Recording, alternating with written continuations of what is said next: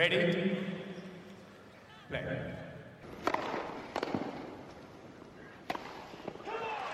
Merhabalar Raket Servisi hoş geldiniz. Ben Gökalp. Ben Anıl merhaba.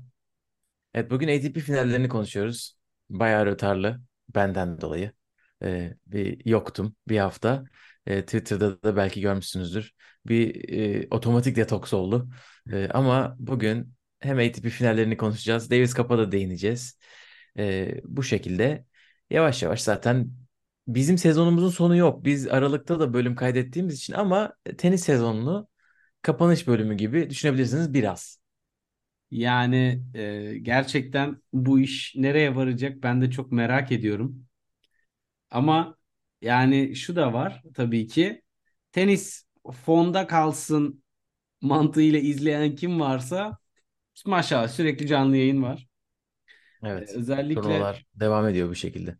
Sky Sports da biliyorsun e, şey yapmış. WTA ile ATP'nin genel bir yayın haklarını komple bir almışlar. Orada tabii e, işler olumlu bir anlamda ilerliyor bir tenis iz- izleme alışkanlığı konusunda e, İngiltere için tabii o. insanlara. Efendim? İngiltere için tabii o. Tabii tabii sadece İngiltere ama e, yani bir yerden başlansın sonuçta yani bunu gördüğümüz bir Amerika'da işte Tennis Channel böyle çalışıyor genel hatlarıyla. Onun haricinde çok fazla bölük pörçük. Neyse şimdi Ciddiye kadar geldik Next Gen ATP Final'da ama e, bir ATP finallerini konuşalım. Kadınları konuştuk WTA finallerini. Burada tabii organizasyon biraz daha e, gündemin ağırlığında daha az bir noktada olacak gibi değil mi? Evet neredeyse hiç konuşulmadı.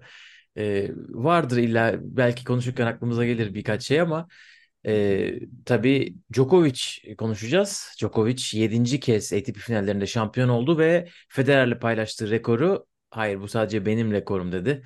6 şampiyonluğu vardı ikisini de. Yedinciyi kazandı. Bu sene Yannick Sinner'i geçti finalde.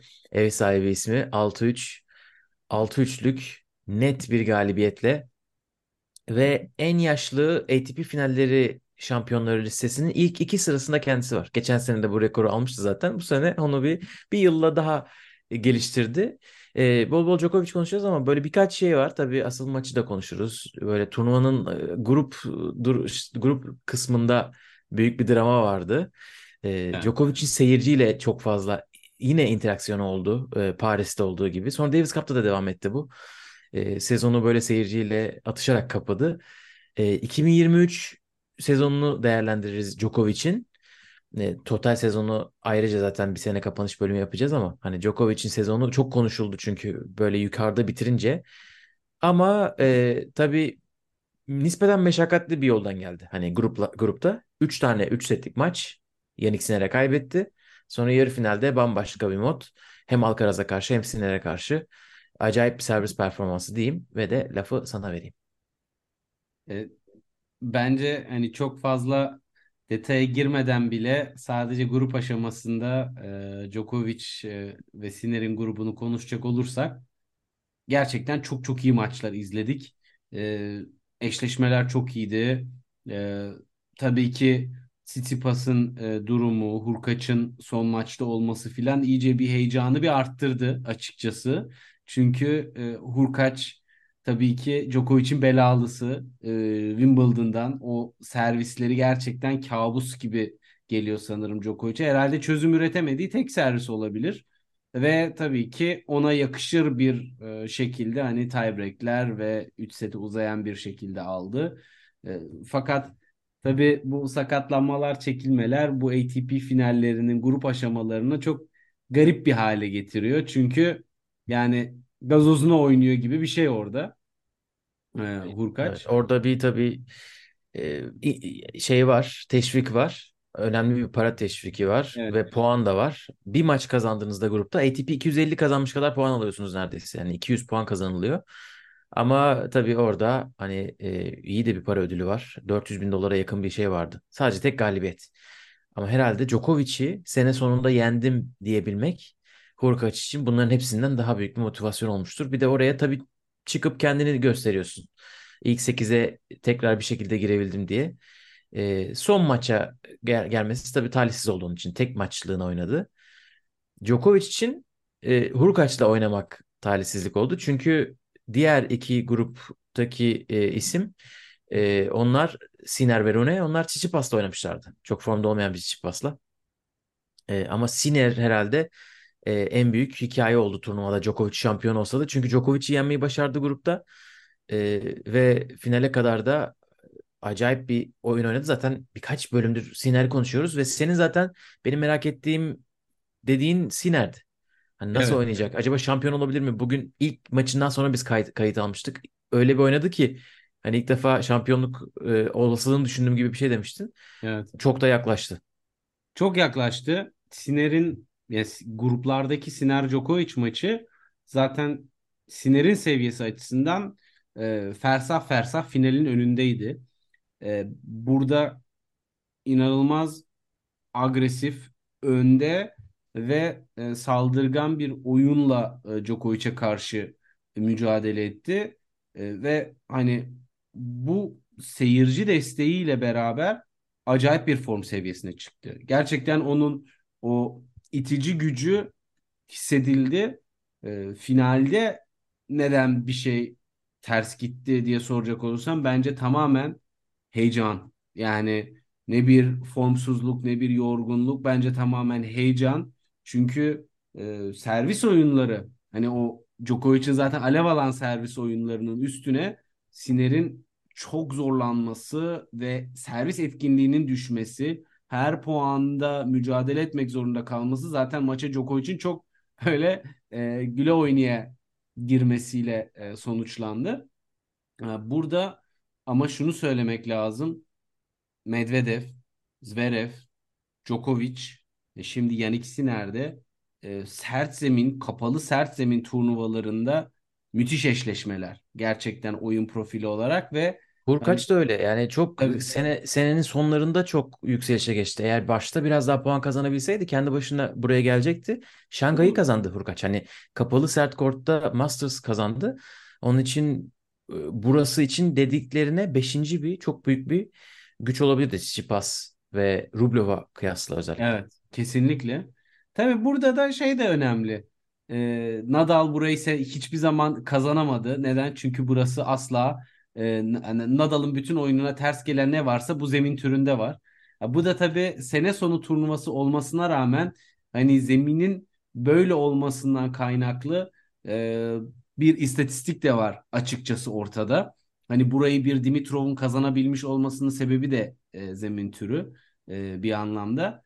Ama hani düşünüp taşındığında en mantıklısı da takvimdeki yerine göre kapalı kort e, sert zemin turnuva. Yani e, bu işin hani niye çim yapılmıyor ilk geleneksel turnuva çim falan tabii o tarz hani işin romantik taraflarına hiç girmeyeceğim.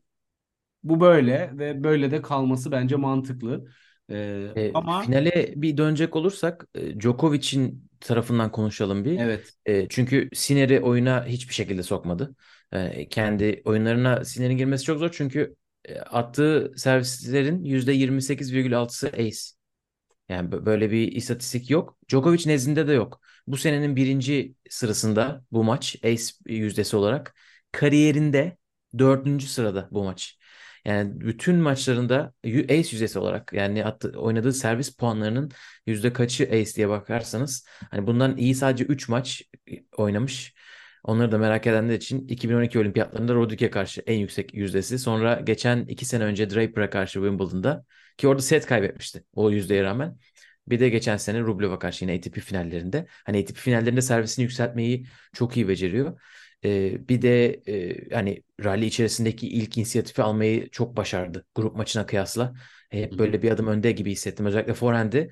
Forehand'i Sinner'in forehand'inden hızlıymış e, final maçında. Bunu Sinner'e karşı yapabilmek e, ekstra bir e, güç gerektiriyor. Bir de o motivasyon nereden geldi? Yani gruptaki kafası bambaşka bir yerdeydi. Hatta Ivanišević söyledi biz e, Sinner ga- mağlubiyetinden sonra Novak'ı görmedik bir gün boyunca dedi.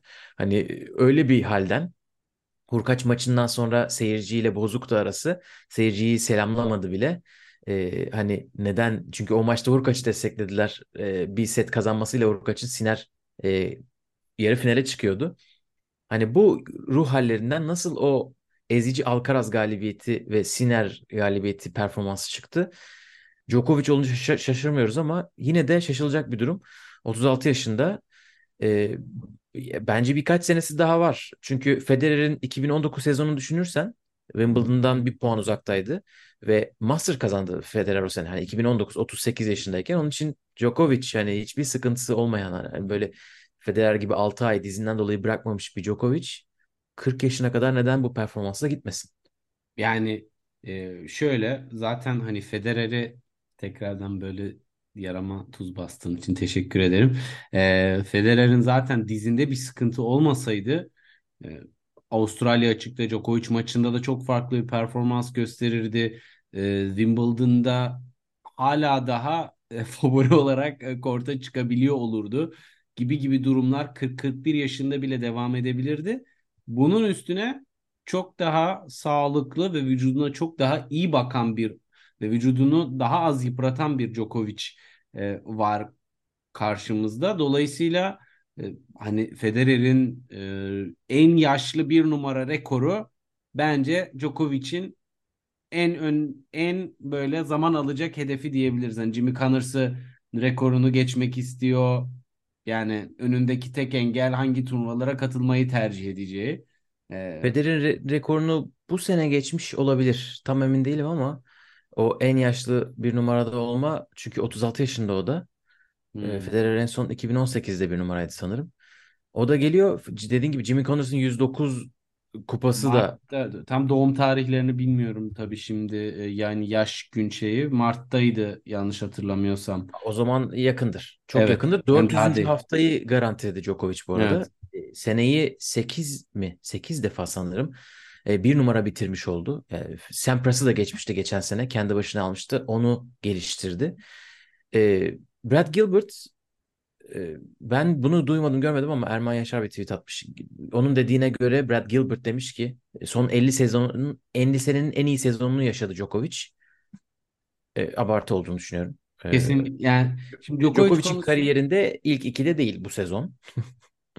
E, ama öyle bir kariyerden bahsediyoruz. Çünkü bu Djokovic hani 2011 ve 15'e yaklaşamaz. Hani bunu istatistiksel olarak da desteklemek çok kolay.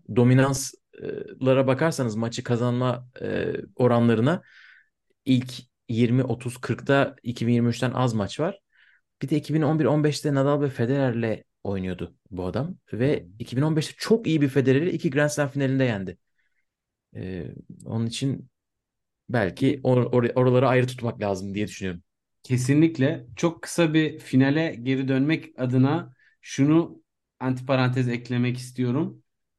Sinner'i finalde nasıl yeneceğini aslında grup maçından örnek alarak çözümlediğini düşünüyorum. Çünkü Sinner'in baseline'da içeri doğru giren agresif ve sert oyununa anladı ki özellikle tabii bu kadar hızlı bir zeminde e, defansta kalırsa iyice momentum bulacağı ve hani özellikle ilk maçın cesaretiyle daha da üstüne geleceğini e, düşünerek aslında atağa atakla karşılık verip böyle kortun içine girme konusunda e, o öyle yapılmaz böyle yapılır gibi bir ders niteliğinde e, bir sonuç ortaya çıktı.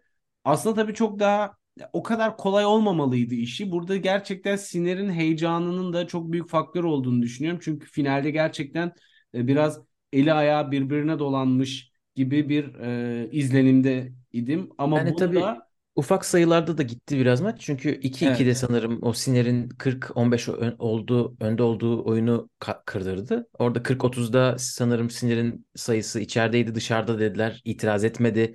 Hani ATP finallerinin organizasyon olarak en çok eleştirilen noktası sanırım buydu.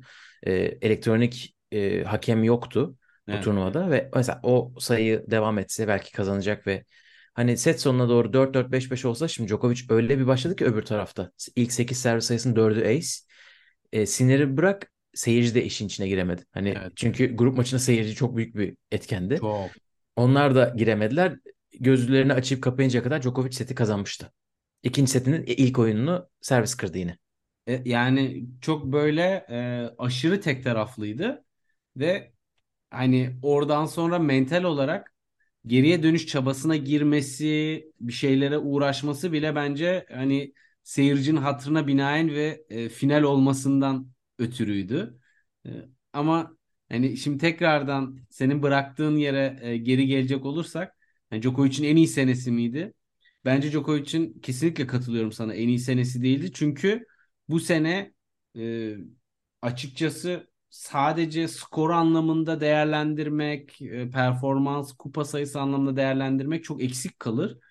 Alcaraz'ın Wimbledon finali performansı bir yana e, Djokovic birçok kupasını çok da iyi oynamadan kazandı. Bunda tabii ki turdaki e, yoğunluğunu azaltmasının da çok ciddi payı Evet. var. Yani artık öyle bir noktaya geldi ki iki ayda bir kupaları süpürüp geri gidiyor. Turnuvaların ilk turlarını ısınma amaçlı kullanıyor. Evet Asya'ya hiç gitmedi. Çin'e hiç gitmedi mesela. Bir ay Asya'da oynadı ATP oyuncuları.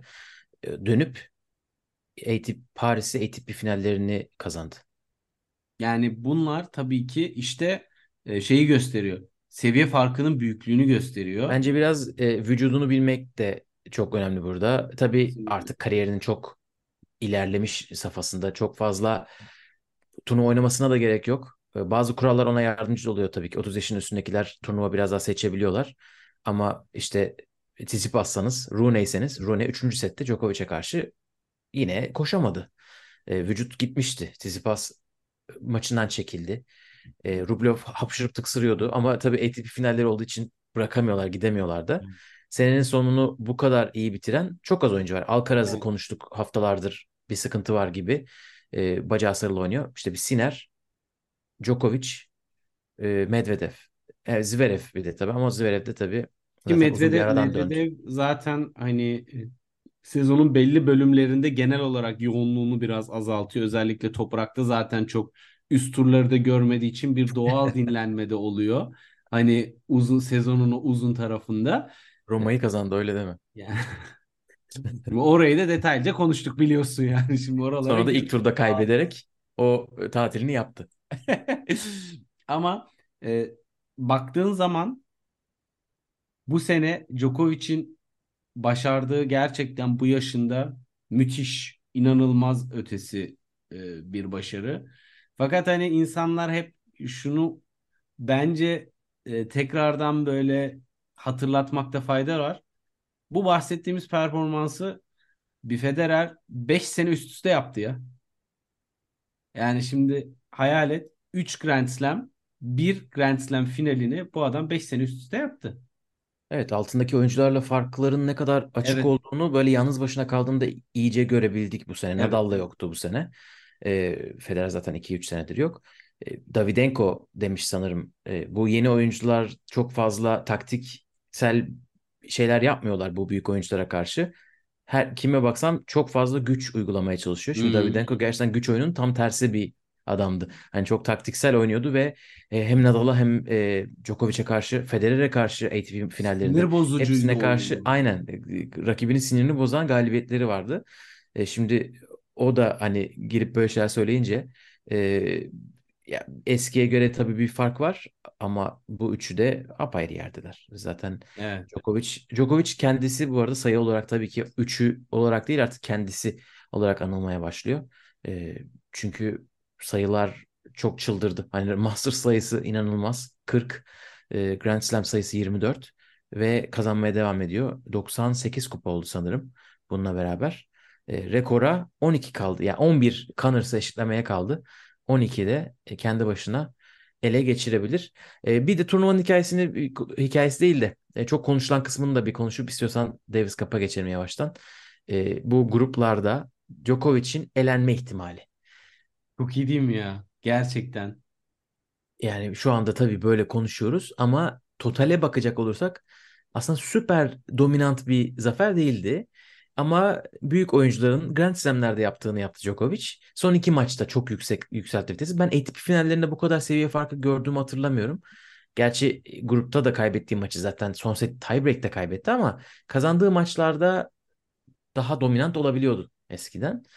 Ee, burayı uzun sürede kazanamadıktan sonra bu performans Sinner'in Rune ile maçına baktı. Rune kazansaydı o maçı Djokovic e, grupta eleniyordu Ve o gün Twitter'da tabii çok fazla konuşuldu. E, Siner ne yapar, ne yapmalı gibi şeyler. E, bunu soranlara karşı bu, ne haddinize böyle şeyler sorarsınız gibi e, çıkışanlar. E, ben kendi yorumumu yapıp lafı sana bırakayım. Ya bu format bunu sağlıyorsa insanların konuşması çok normal. Ben Siner'in karakteriyle alakalı bir şey konuştuğundan değil. Bu format böyle bir olasılık sunuyor sana. Teniste olmayan bir şey oluyor. Yani 3 yıl boyunca sadece bir gün olabilecek bir şey oluyor. Sen kaybedersen bu burayı kazanmanın en büyük favorisi olan adamı eleyebiliyorsun. Bunu zamanında Lendl da yapmış. E, başka oyuncular da yapmış olabilirler. E, grup maçları olan yerde. Onun için Siner bence bunu zaten yapmazdı gibi düşünüyorum. Yap, ben yapma yani yapmaları da gerçekçi gelmiyor çünkü çok rekabetçi insanlar o seviyeye çıkabiliyorlar. Ama bunun konuşulmasında ne olacak ki? İşte Ben Rothenberg tabii oradan etkileşim içinde bir anket açmış olabilir. Onun gazeteciliğini bitirmeye yönelik böyle yani bu, bu kurallar bunu getirmiş artık. Konuşmayalım da ne yapalım?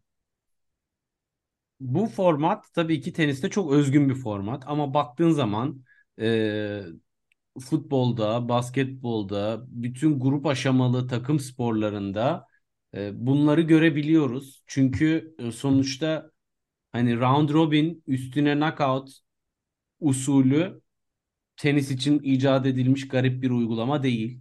Dört oyunculu eşleşmeler bir tek burada değil. Yani bu bu sporun içerisinde çok fazla olan bir şey. Hatta çıkmayı garantilediğin zaman e, son maçta daha az kendini yıpratman hani işin çok daha soft bir şeyini bile söylemek gerekirse sırf kendini fiziksel olarak diri tutmak için son maça asılmayabilirsin yani. Hani bu işin Evet. Djokovic elensin mi elenmesin mi sorusundan bile öte sen yani kendini niye zorlayasın? Çıkmışsın zaten. Çıkınca oynayacağın rakip de belli. Yani so what? Değil mi? Evet. Siner de çıkıp dediğinin tam tersini yaptı. Evet. Çok, mantıklı. zorladı. Canını çok uzun çıkardı. bir maç oynadı. Canı çıktı Rune'ye karşı. Rune de her şeyini verdi. Evet. Ee, çok güzel bir maç oldu. Ee, Bayağı Sonunda iyi. kazandı. Ve yani burada hakikaten şunu söylemek lazım. Hem Rune'nin e, sene sonu performansı çok sevindirici önümüzdeki sene adına. Çünkü havuz çok küçülmüştü. Artık yani böyle 2-3 tane maç eşleşmesi kalmıştı. Hani böyle insanların heyecanlanıp ya aman kaçırmayayım ne zamandı dediği. E şimdi sene sonu turnuvasında e, baktığımız zaman Avustralya açık için çok çok güzel haberler var burada. E, Alcaraz'ın Djokovic'e karşı sürklase edilmiş olmasına rağmen ben performansını çok beğendim. Zaten de turnuvanın başında da konuştuk. Kapalı sert zemin hani hani US Alcaraz ilk zemini sert zeminde kazandı ama kapalı sert zemin çok bir, biraz daha ayrışan bir nokta. Hani bunu tabii herkes e, direkt şey yapamaz, e, gözlemleyemez. Fakat Alcaraz'ın ritim tutması e, ve hani e, Twitter'da da çok konuşuluyor. Artık oyuncuların biraz Alcaraz'ı çözümlemeye başlamasını e, gördükten sonra Alcaraz'ın ona karşı da çözüm bulmaya çalıştığı bir evreye geliyoruz ve o da e, izlemesi çok keyifli. Dolayısıyla baktığın zaman Avustralya açık için tahtaya vuralım. Nadal belki geri dönecek. Djokovic zaten başlı başına orada çok çok uzakta. Sinner özgüven kazandı Djokovic'e de karşı ve zaten e, head to head'leri de çok gayet e, çekişmeli. Alcaraz'la da beraber. Rune geri dönüyor. Medvedev iyi göründü senenin sonu olmasına rağmen. Zverev hapse girmezse veya bir, yine yeni bir şey yapmazsa onun form durumu iyi görünüyor. Yani seneyi kapatırken aslında 2024 başı için şimdiden çok güzel e, bir tablo var ki hani bunun içerisine daha Urkaç'ı katmadık, Rublev'u katmadık. E, neden katmıyorum? Açıkçası samimi söyleyeyim. Büyük maçlarda e, Evet. tıkanıyorlar ve o hırsla o hani killer instinct dedikleri o olay biraz eksik kalıyor. Dolayısıyla Zaten 5-6 isim yeter artar. Hani biz iki isme muhtaçtık senelerdir. aynen 5-6 isim olursa gayet güzel olur. Ee, bir şey ekleyeyim. Djokovic'i bir iki ya Paris'ten beridir e, böyle görüyordum, böyle düşünüyordum. Sonra Twitter'da da birisi yazınca e, söyleme ihtiyacı hissettim.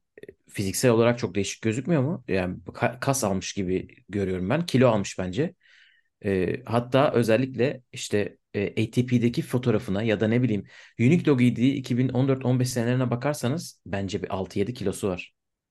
E, yoksa o forehandler zaten çıkmaz gibi düşünüyorum. O hızlar. Yani Ba- Başka bir noktada gibi. katılıyorum ve bunun oyununa Acaba etkisine de katılıyorum. yemeye mi başladı? Acaba pizzaya mı başladı? O glutenler olmadan o kas Evet. hücreleri nasıl dolacak? Hani derler ya antrenman veya maç sonrasında ilk böyle karbonhidrat almak gerekiyor ki e, kas hücreleri parçalanmasın, onlar diri kalsın diye. Valla glutensiz o işler zor. Valla bilmiyorum water drop şişesinin içine artık e, kelle paça çorbası mı içiyor ama Yani artık water drop dediğinde sadece aromalı diffuser abidik gubidik bir şeyler katıyor içine. Yani onun bir e, şeyi bir katkısı olacağını kendi başına düşünmüyorum yok ama o kendi kendi kendi içecekleri onlar. ha işte o Sponsoru olduğu için o ma- şey matara da getiriyor ama hiç kimseye Aynen. paylaşmayacakları içeceklerinin hatta lansmanını yapacaklarmış Avustralya'da. Neyse bunları sonra konuşuruz. bekliyoruz. Ben yani şöyle bir şey var. E şimdi tabii Djokovic'in en negatif özelliklerinden biri aşı karşıtlığı vesaire tarzı bu bilim dünyasıyla olan e, ve bedenine olan yaklaşımı. Ama bu adamın vücut bu adam vücuduna bir şey sokuyorsa ziyanı yoktur deyip direkt alırım yani. Hani öyle de bir tersten bir şeyi var olayın.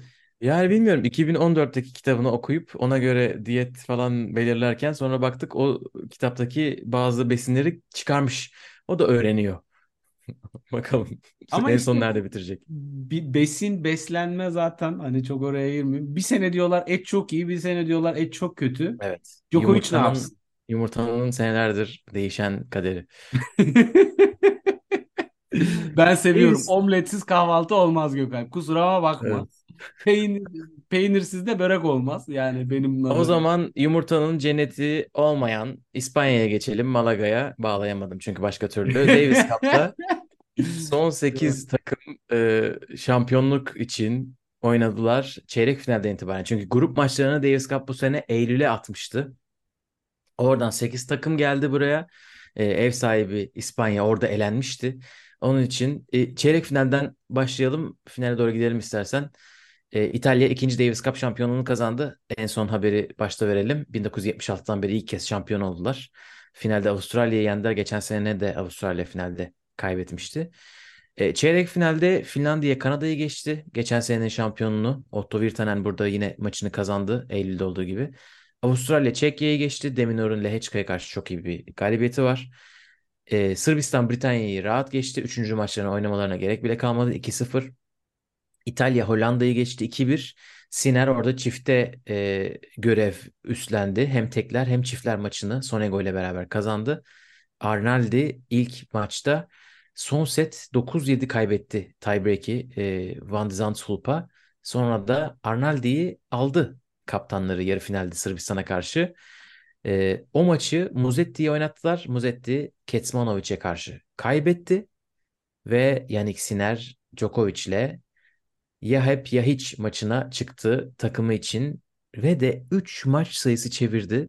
Daha bir, geçen hafta iki defa oynadığı Djokovic'e karşı ve kazandı ve ondan sonra çiftler maçına da çıktı. Orada da Djokovic bir defa daha yenmeyi başardı. Sonego ile beraber Djokovic, Kecmanovic ikilisini ve de finale çıktılar. Öbür tarafta Avustralya Finlandiya'yı yenip finale çıktı diyeyim. Burada bir durayım çünkü İtalya Sırbistan acayip bir eşleşmeydi.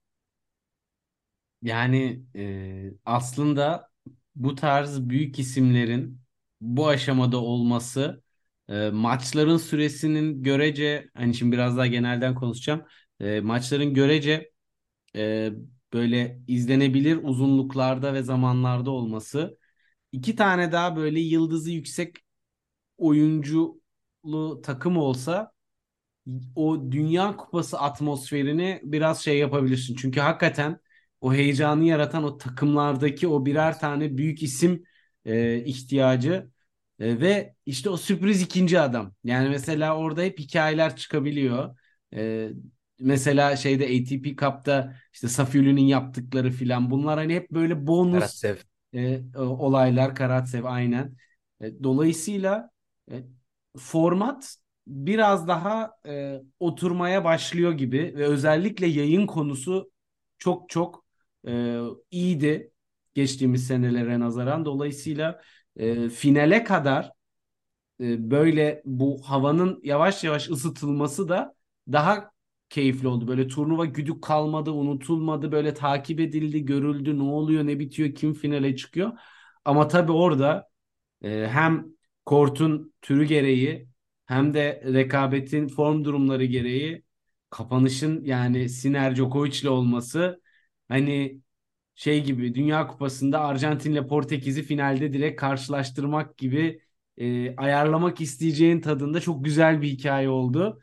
E, burada tabii 0-40'tan kendi servisine tutunduğu oyun Yannick Sinner'in e, büyük devinimdi. Yani o e, şeydeki ATP finallerinde yapamadığını burada yaptı zor anlarda. Çünkü tamam e, iyi servisle de e, aldı sayıları 0-40'tan geri dönerken ama ralliyle de soğukkanlılığıyla böyle görece riskli noktalardan topu sadece oyuna geri sokup böyle pozisyonunu kaybetmek yerine e, agresif kalmaya ve cesur kalmaya devam etti ki hani her şey raketin ucunda yani Evet. ve bunlar tabii ülkesi için e, çok böyle ölüp biten karakterde insanlar ki Sinner'in geçmiş hikayesi de var. E, hani İtalyanlığı tartışılıyor falan filan durumları vardı geçmişte. Hani e, dolayısıyla Davis Cup oynamadığı için ne kadar aynen vatanseversin gibi klasik aynen ha işte o tartışmalar da olmuştu. Davis Cup çünkü oynamayıp başka önceliklerine gitmişti.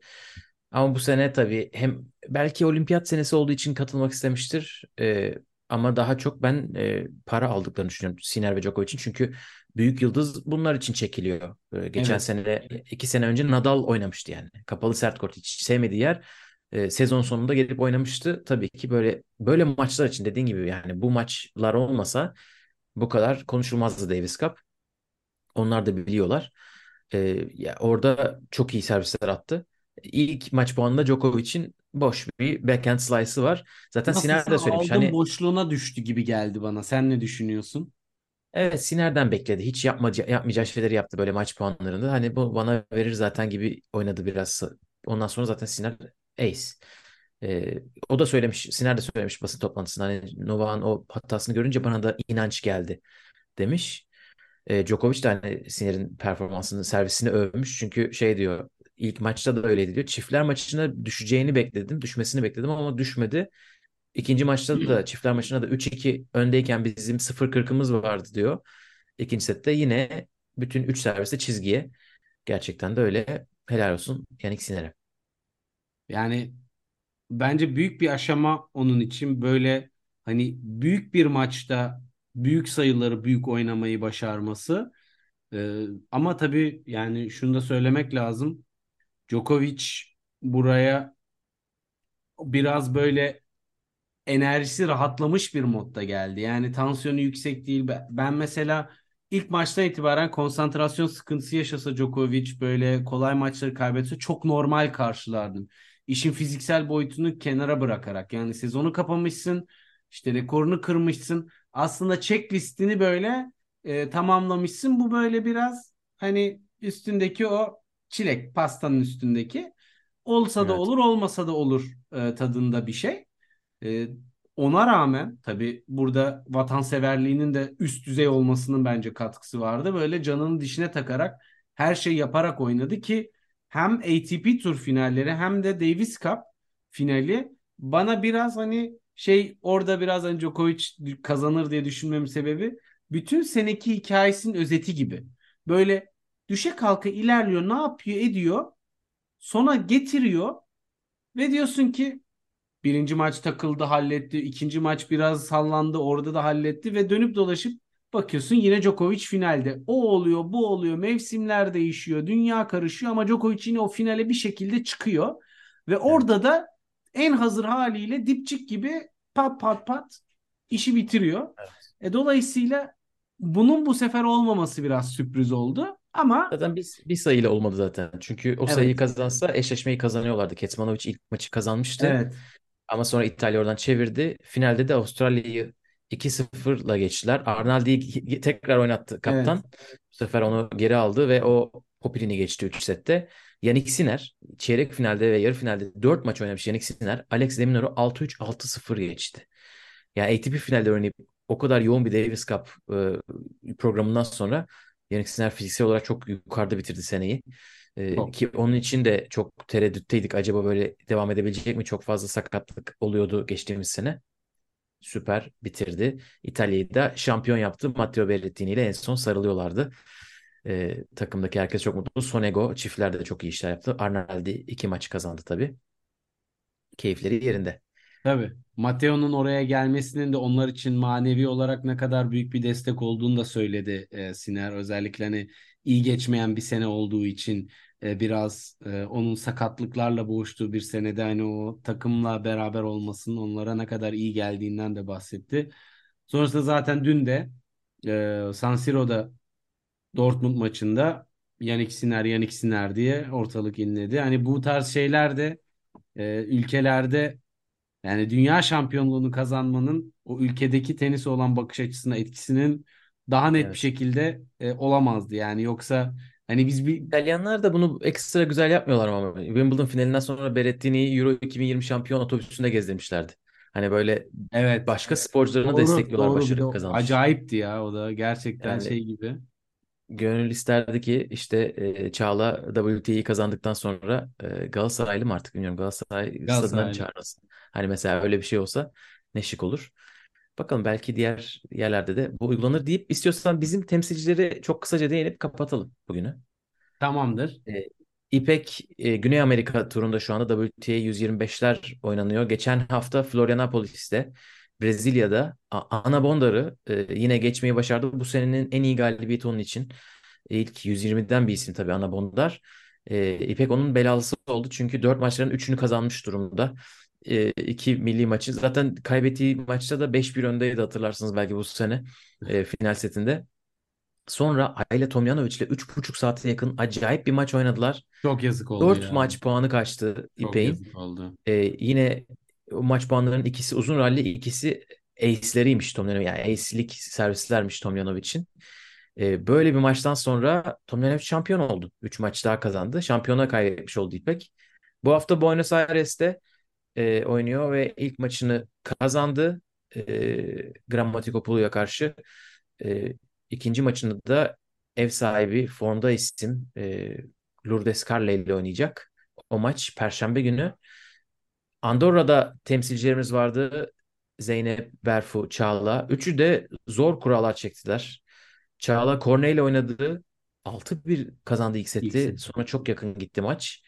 E, Berfu Fritzam'a karşı yakın kaybetti. 6-4, 6-4. O, o da ters kura. Yani Ters kura. Zeynep Zaydel'e karşı çok formda bir isim. Yani Zaydel o da e, alev ben de almış gidiyor. Yani evet bütün maçı ilk defa izledim ben de Zaydel'i. E, o da ne yazık ki ilk turda kaybetti ama turnuvaları devam ediyor bildiğim kadarıyla. Takipte olacağız. Valla Evalis, Elazaydel, e, Almanların bu genç isimleri bu aralar bayağı tersler ama e, tabii sene sonunda güzel olurdu burada puanları toplamak Avustralya öncesinde. E, fakat hani en azından Zeynep için şu anda tabii bir sıralama stresi yok. E, elemeye katılma stresi yok. O açıdan çok şey değil ama Çağla'nın maçının yakın kaçması, e, Berfu'nun biraz momentum ve özgüven kazanması açısından güzel olurdu o galibiyetler. Ama işte şeyi görüyoruz takvimde e, turnuva olmayınca 100K, 125K'lık challenger'larda bile maşallah ne duyan geliyor yani hani öyle bir şey Evet. var. Özellikle Avrupa'da olunca bayağı bir Avrupa. e, sert tablolar yani tabii bunlar. O zaman burada bitirelim bölümü. Bir sonraki bölümde Next Gen konuşuruz. Onlar başladılar ama daha çok maç var diyelim. Cidden mi deyip böyle e, kötü bir espriyle e, Bunu da sıkıştırdık araya. Bu Ee, espriyi son... beğenmediyseniz bizi takip edip videoyu beğenin. Evet. Ee, Bir sonraki bölüm görüşmek üzere. Kendinize iyi bakın. Hoşçakalın. Hoşçakalın.